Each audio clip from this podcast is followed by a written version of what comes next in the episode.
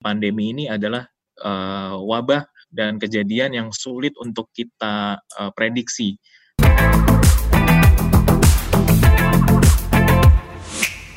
Halo Sobat Bareksa, kembali lagi di Bareksa Podcast dengan gue Ale. Kali ini gue nggak sendiri loh, gue ditemani temen gue. Kenalin dulu dong temenin gue. Halo Mas. Halo, halo guys halo. semuanya. Iya.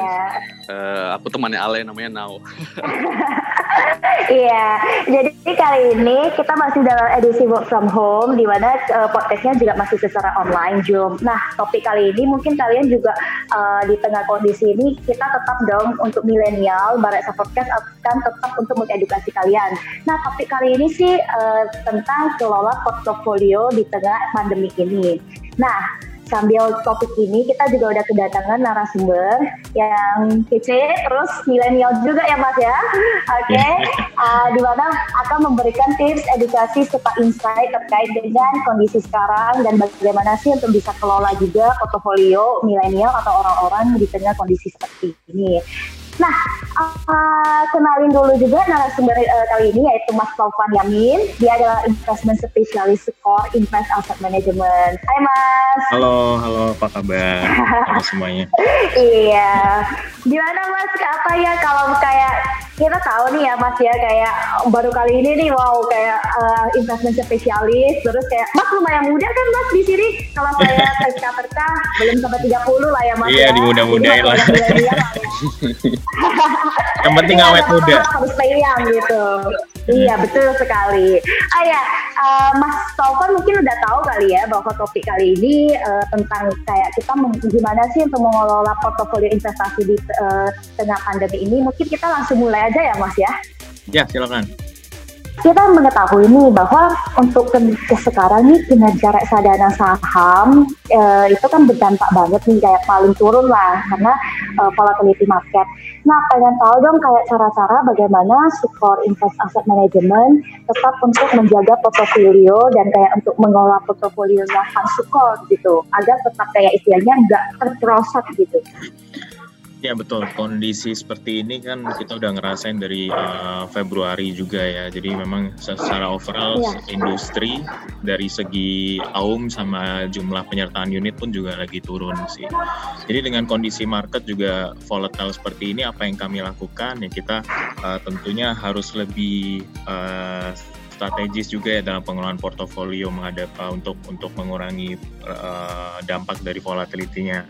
Dengan apa? Ya kita dengan pemilih uh, dengan memilih saham-saham ya terutama untuk reksadana saham ya berarti mungkin uh, memilih aset-aset yang berkualitas ya. Contoh seperti saham kita cari laporan keuangannya yang masih sehat, yang balance sheet-nya kuat ya, yang mampu menghadapi kondisi uh, pandemi ini ya. Jadi kita uh, dengan cermat pilih-pilih seperti itu. Begitu pula juga dengan dari sisi obligasi ya kita akan lebih uh, alihkan ke likuidit apa ke obligasi-obligasi yang cenderung liquid ya. Kemudian juga uh, lebih kalau corporate kita cari juga dari sisi cash flow-nya apakah mampu membayar bunga dan sebagainya seperti itu dan kemudian juga untuk ob, untuk di bond fund kita ya karena kita akan lebih fokus di obligasi negara ya so karena memang secara resikonya harusnya lebih kecil dibanding obligasi korporasi dan sebagainya memang seperti itu. Kemudian juga dengan kondisi seperti ini market kemarin sempat turun ya sekarang pun juga uh, sempat rebound lagi. Uh, kita dari bottom udah rebound sekitar 20% sekarang uh, posisinya sekitar 17% dari bottom ya. Uh, bukan berarti kita uh, uh, takut ketinggalan juga sama market. Kita tetap hati-hati dalam uh, jaga posisi cash kita. Apakah kita udah mulai belanja banyak atau enggak. Nah, tetap kita selain memilih-milih saham-saham yang defensif ya terutama kita suka yang uh, mayoritas kita suka lebih prefer di saham-saham blue chip terus juga yang quality juga sekalian itu ya kita pilih juga saham yang di mana ketika market ini pulih nanti akan rebound kasih upset gitu untuk reksadana saham kita sih untuk ke depannya. Jadi kita tetap selain cari quality kita cari uh, potensial juga ya di mana dal dalam menghadapi ini beberapa emiten itu mampu nggak menghadapi pandemi tapi setelah pandemi ini kelar apakah dia masih bisa uh, perform dibanding kompetitornya maupun industri seperti itu itu sih. Kalau kita dalam pengelolaan uh, reksadana sekarang seperti itu. Oke, berarti di sini dari support investor sendiri juga selektif ya memiliki saham-saham untuk reksadana sahamnya. Iya. Oke, kembali lagi nih, uh, ini terkait sisi investor kan kayak uh, kadang-kadang investor melihat, wow ini market turun banget, ya ampun udah kayak unrealized loss lah ya, kayak potensial lossnya udah semakin tinggi gitu. Nah kadang-kadang kan investor jadi takut dan kayak ada kekhawatiran gitu. Bagaimana sih dari sisi support sendiri kayak untuk meyakinkan bahwa investor, eh jangan panik loh gitu, bahwa market ini emang lagi uh, volatility-nya bukan saja di Indonesia tetapi di semua negara gitu. Nah, dari support sendiri bagaimana caranya meyakinkan investor? Yeah. Uh, sebenarnya panik wajar ya kondisi seperti apalagi teman-teman yang belum sempat ngerasain um, apa yang baru baru baru banget di market ya. Belum sempat ngerasain koreksi market waktu di 2008 belum pernah ngerasain 2013 dan 2015 di sana di mana waktu itu IHSG juga cukup uh, fluktuatifnya sangat tajam sekali ya. Bahkan hmm. 2008 contoh pernah koreksi sampai 60 persen 2015 turun juga sekitar 25 persen dan sebagainya. Jadi memang hmm ini pernah terjadi ya. Indeks turun jadi wajar memang sesuai uh, siklus bisnis dan siklus ekonomi dan sebagaimana apalagi ditambah sekarang lagi ada pandemi dan sebagainya nggak perlu khawatir teman-teman. Kalau selama investasi ini uh, kalian fokus untuk jangka panjang ya nggak perlu khawatir. Karena toh 2008 ya indeks itu udah naik uh, dulu 2008 itu indeks dari 2000 terus turun sampai 1200 akhirnya dalam setahun bisa pulih kembali dan tahun berikutnya bisa perform lebih tinggi dibanding uh, uh, sebelum penurunan yang dalam dan seperti itu 2015 pun seperti itu setelah hmm. indeks turun 20% tuh akhirnya dalam tahun depan balik lagi. Nah, kita juga harapan dengan kondisi seperti ini ya, setelah pandemi ini selesai seharusnya kondisi ekonomi juga pulih, kemudian pasar saham dan obligasi dan sebagainya semua pasar keuangan harusnya harganya bisa pulih lagi. So far sekarang harusnya kita melihat ini sebagai opportunity ya buat teman-teman yang uh, investasi ya. Karena hmm. memang kita udah bisa dibilang uh, dalam 3-5 tahun belakangan ini indeks pergerakannya nggak terlalu banyak ke mana-mana juga. Jadi ketika ini lagi ada diskon sampai 40% ya sebenarnya ini opportunity untuk menambah posisi sih untuk tabungan kita ya misal teman-teman yang mampu untuk menambah untuk nabung dan sebagainya. Jadi ini sebenarnya sudah momen yang cukup menarik. So far kita ngelihat pun dari sisi uh, valuasi ya juga udah bisa dibilang cukup murah ya untuk sekarang. Obligasi dan rupiah kita pun juga kondisinya sekarang lagi cukup murah ya. Uh, rupiah kita di 15.500, kemudian yield kita 7,9 itu dibanding investment grade lain kita masih cukup menarik sekali. Kemudian juga dari valuasi ISG kita ngomong reksadana saham ya, beberapa saham-saham blue chip yang kita punya, yang kita lirik, yang kita sukai juga beberapa masih menarik sekali ya. Ada beberapa perusahaan yang bahkan lebih murah bahkan dari 2008 ya. IHSG sendiri juga kalau kita ngomong uh, secara general IHSG uh, kita udah sangat-sangat murah. PI kita itu udah di bawah rata-rata 20 tahun terakhir ya. PI kita tuh di sekitar 11 kali sekarang. PI 20 tahun terakhir itu di 20 kali. Jadi udah sangat murah. Belum lagi kalau kita ngomong nilai buku IHSG ya. Itu udah bahkan lebih murah dari 2008 sih. Sekarang nilai buku IHSG sekarang itu 1,13 kali dari uh, harga di harga dibagi nilai buku per sahamnya ya dibanding 2008 di mana itu 1,16 jadi uh, jadi walaupun tipis ya tapi sebenarnya bisa dilihat ini udah lebih murah dibanding 2008 sih dari dari dari sisi uh, nilai asetnya jadi nggak perlu khawatir sekarang memang semua sudah murah ya tapi tetap harus cermat juga ya tetap taktis tetap uh, apa tetap uh, tetap konsisten sama pilihan investasi dan juga pilihan saham-saham atau obligasi yang kita pilih itu harus jeli juga apakah sanggup melewati pandemi ini atau enggak seperti itu. Oke, okay.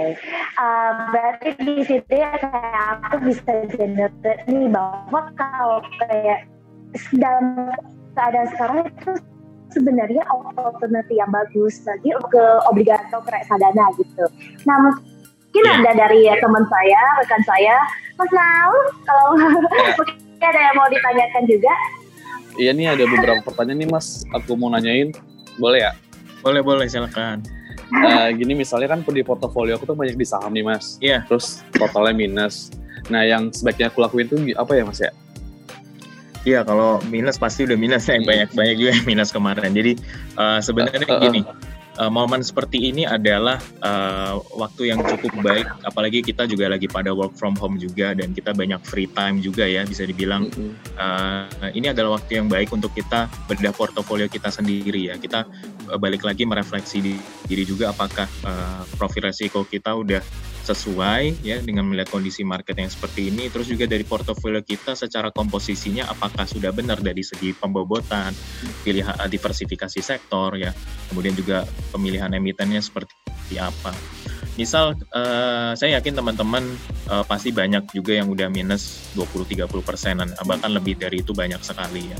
Apakah sekarang uh, uh, uh, harus cut loss, harus average down ya, atau nambah posisi ya? Itu banyak sekali pertanyaan seperti itu. Kalau untuk pertanyaan kita menjawab pertanyaan pertama, apakah harus cut loss duluan? Balik lagi ke teman-teman nih, balik lagi lihat kalian punya saham uh, itu dari sisi laporan keuangannya dari sisi fundamentalnya seperti apa gitu loh apakah pandemi ini akan impact sama bisnisnya atau uh, dalam kemampuan perusahaannya untuk melewati ini ya bayar operational expense-nya, bayar bunga, bayar karyawannya dan sebagainya. Kemudian juga apakah omsetnya berdampak cukup banyak nggak? Kalau kalian masih cukup melihat oh ini perusahaan bisa melalui ini secara sektornya juga terlalu pengaruh, ya mungkin tunggu pandemi ini selesai seharusnya bisnis bisnis akan kembali seperti biasa dan harusnya market ngikutin. Tapi kalau misal saham-saham saham tersebut teman-teman yang punya pegang ternyata dia kena cukup parah nih gara-gara pandemi. Contoh mungkin kalian invest di perusahaan oh, hotel atau apa seperti kayak gitu ya uh, gitu. Jadi itu impactnya akan cukup besar ya. Kemungkinan rebound ya pasti akan rebound nanti kalau tapi apakah mereka bisa melewati pandemi ini atau enggak seperti itu itu yang ya, perlu di uh, perlu kalian uh, tilik lagi ya dari sisi fundamentalnya laporan keuangan dan sebagainya. Nah, untuk tapi selama kalian punya saham-saham yang berkualitas waktu kalian milih, contoh seperti saham-saham blue chip yang cukup defensif, yang liquid juga, kemudian juga dari secara pembukunya sehat ya, seharusnya aman-aman aja, nggak perlu khawatir ya. Uh, terutama contoh ya sektor-sektor perbankan gitu, Sunday juga pasti akan rebound lagi kalau misal marketnya recover. Apakah perlu average down? Ya, kalau kalian memang uh, apa kalau dengan kondisi seperti ini ya, untuk average down sebenarnya adalah pilihan yang cukup menarik uh, salah satunya. Tapi balik lagi uh, saham kalian ini apa dulu sih? Itu dulu apa? Terus kemudian apakah 100% di kita habis untuk rebound? Sepertinya uh, itu juga bukan pilihan yang bijak. Jadi harus tetap uh, dengan cara yang bertahap yang kita melihat kondisinya seperti apa. Nggak perlu terlalu buru-buru juga ya. Nggak perlu terlalu ngikutin nggak uh, perlu terlalu apa FOMO juga, fear of missing out, terus juga kita follow the crowd dan apa takut ketinggalan sebagainya. Kita tetap harus dengan kondisi seperti ini harus tetap berkepala dingin ya. Karena untuk masalah kali ini pandemi ini adalah uh, wabah dan kejadian yang sulit untuk kita uh, prediksi ya karena ini kan sebuah penyakit baru di mana data dan pengetahuan penyakit ini kan masih cukup minim ya. Jadi sangat-sangat susah untuk kita bikin prediksi kapan ini selesai ya. Kemudian belum lagi timeline setiap negara itu beda-beda ya. Kalau penyebarannya itu yang bikin bikin uh, kita nggak cuma teman-teman juga tapi kita di uh, apa manajer investasi di market juga kita agak sedikit lebih berhati-hati dan lebih susah juga untuk bikin prediksi. Nah itulah kenapa untuk sekarang cut loss balik lagi uh, itu saya kasih uh, kesimpulan cut loss. Kalau cut loss balik lagi ke teman-teman. Dengan cut loss ini apakah uh, pilihan yang tepat? Kemudian dari cut loss ini pasti tentunya kalian mau pindah ke mana gitu kan? Atau lari ke safe haven atau ke cash atau mungkin tambah ke saham yang lain seperti itu. Jadi itu yang perlu kalian uh, apa perlu kalian pikirkan lagi sih. Nggak perlu khawatir lah kalau kalian terburu-buru cut loss sekarang kalau selama eh, saham-saham kalian yang punya bagus reksadana apalagi ya kalau reksadana sih saya rasa nggak perlu cut loss ya terutama apalagi kalau reksadana saham kalian yang uh, banyak uh, reksadana saham pilihan kalian itu yang overweight di saham-saham blue chip yang trailing juga sama indeks. Hmm. nggak perlu khawatir jadi kalau itu pasti someday akan balik lagi setelah uh, seiring dengan market recover tapi kalau saham kemungkinan untuk ngikutin indeks kan belum tentu ya itu tadi problemnya. Jadi kalau untuk teman-teman yang nabung reksadana nggak perlu khawatir. Tapi kalau teman-teman yang banyak okay. di saham ya itu ya perlu cermat lagi sih ngelihat dari portofolionya layak nggak untuk ditambah atau mungkin di cut loss. Kalau sekarang sih anak milenial ya harus yang digital lah. Jadi uh,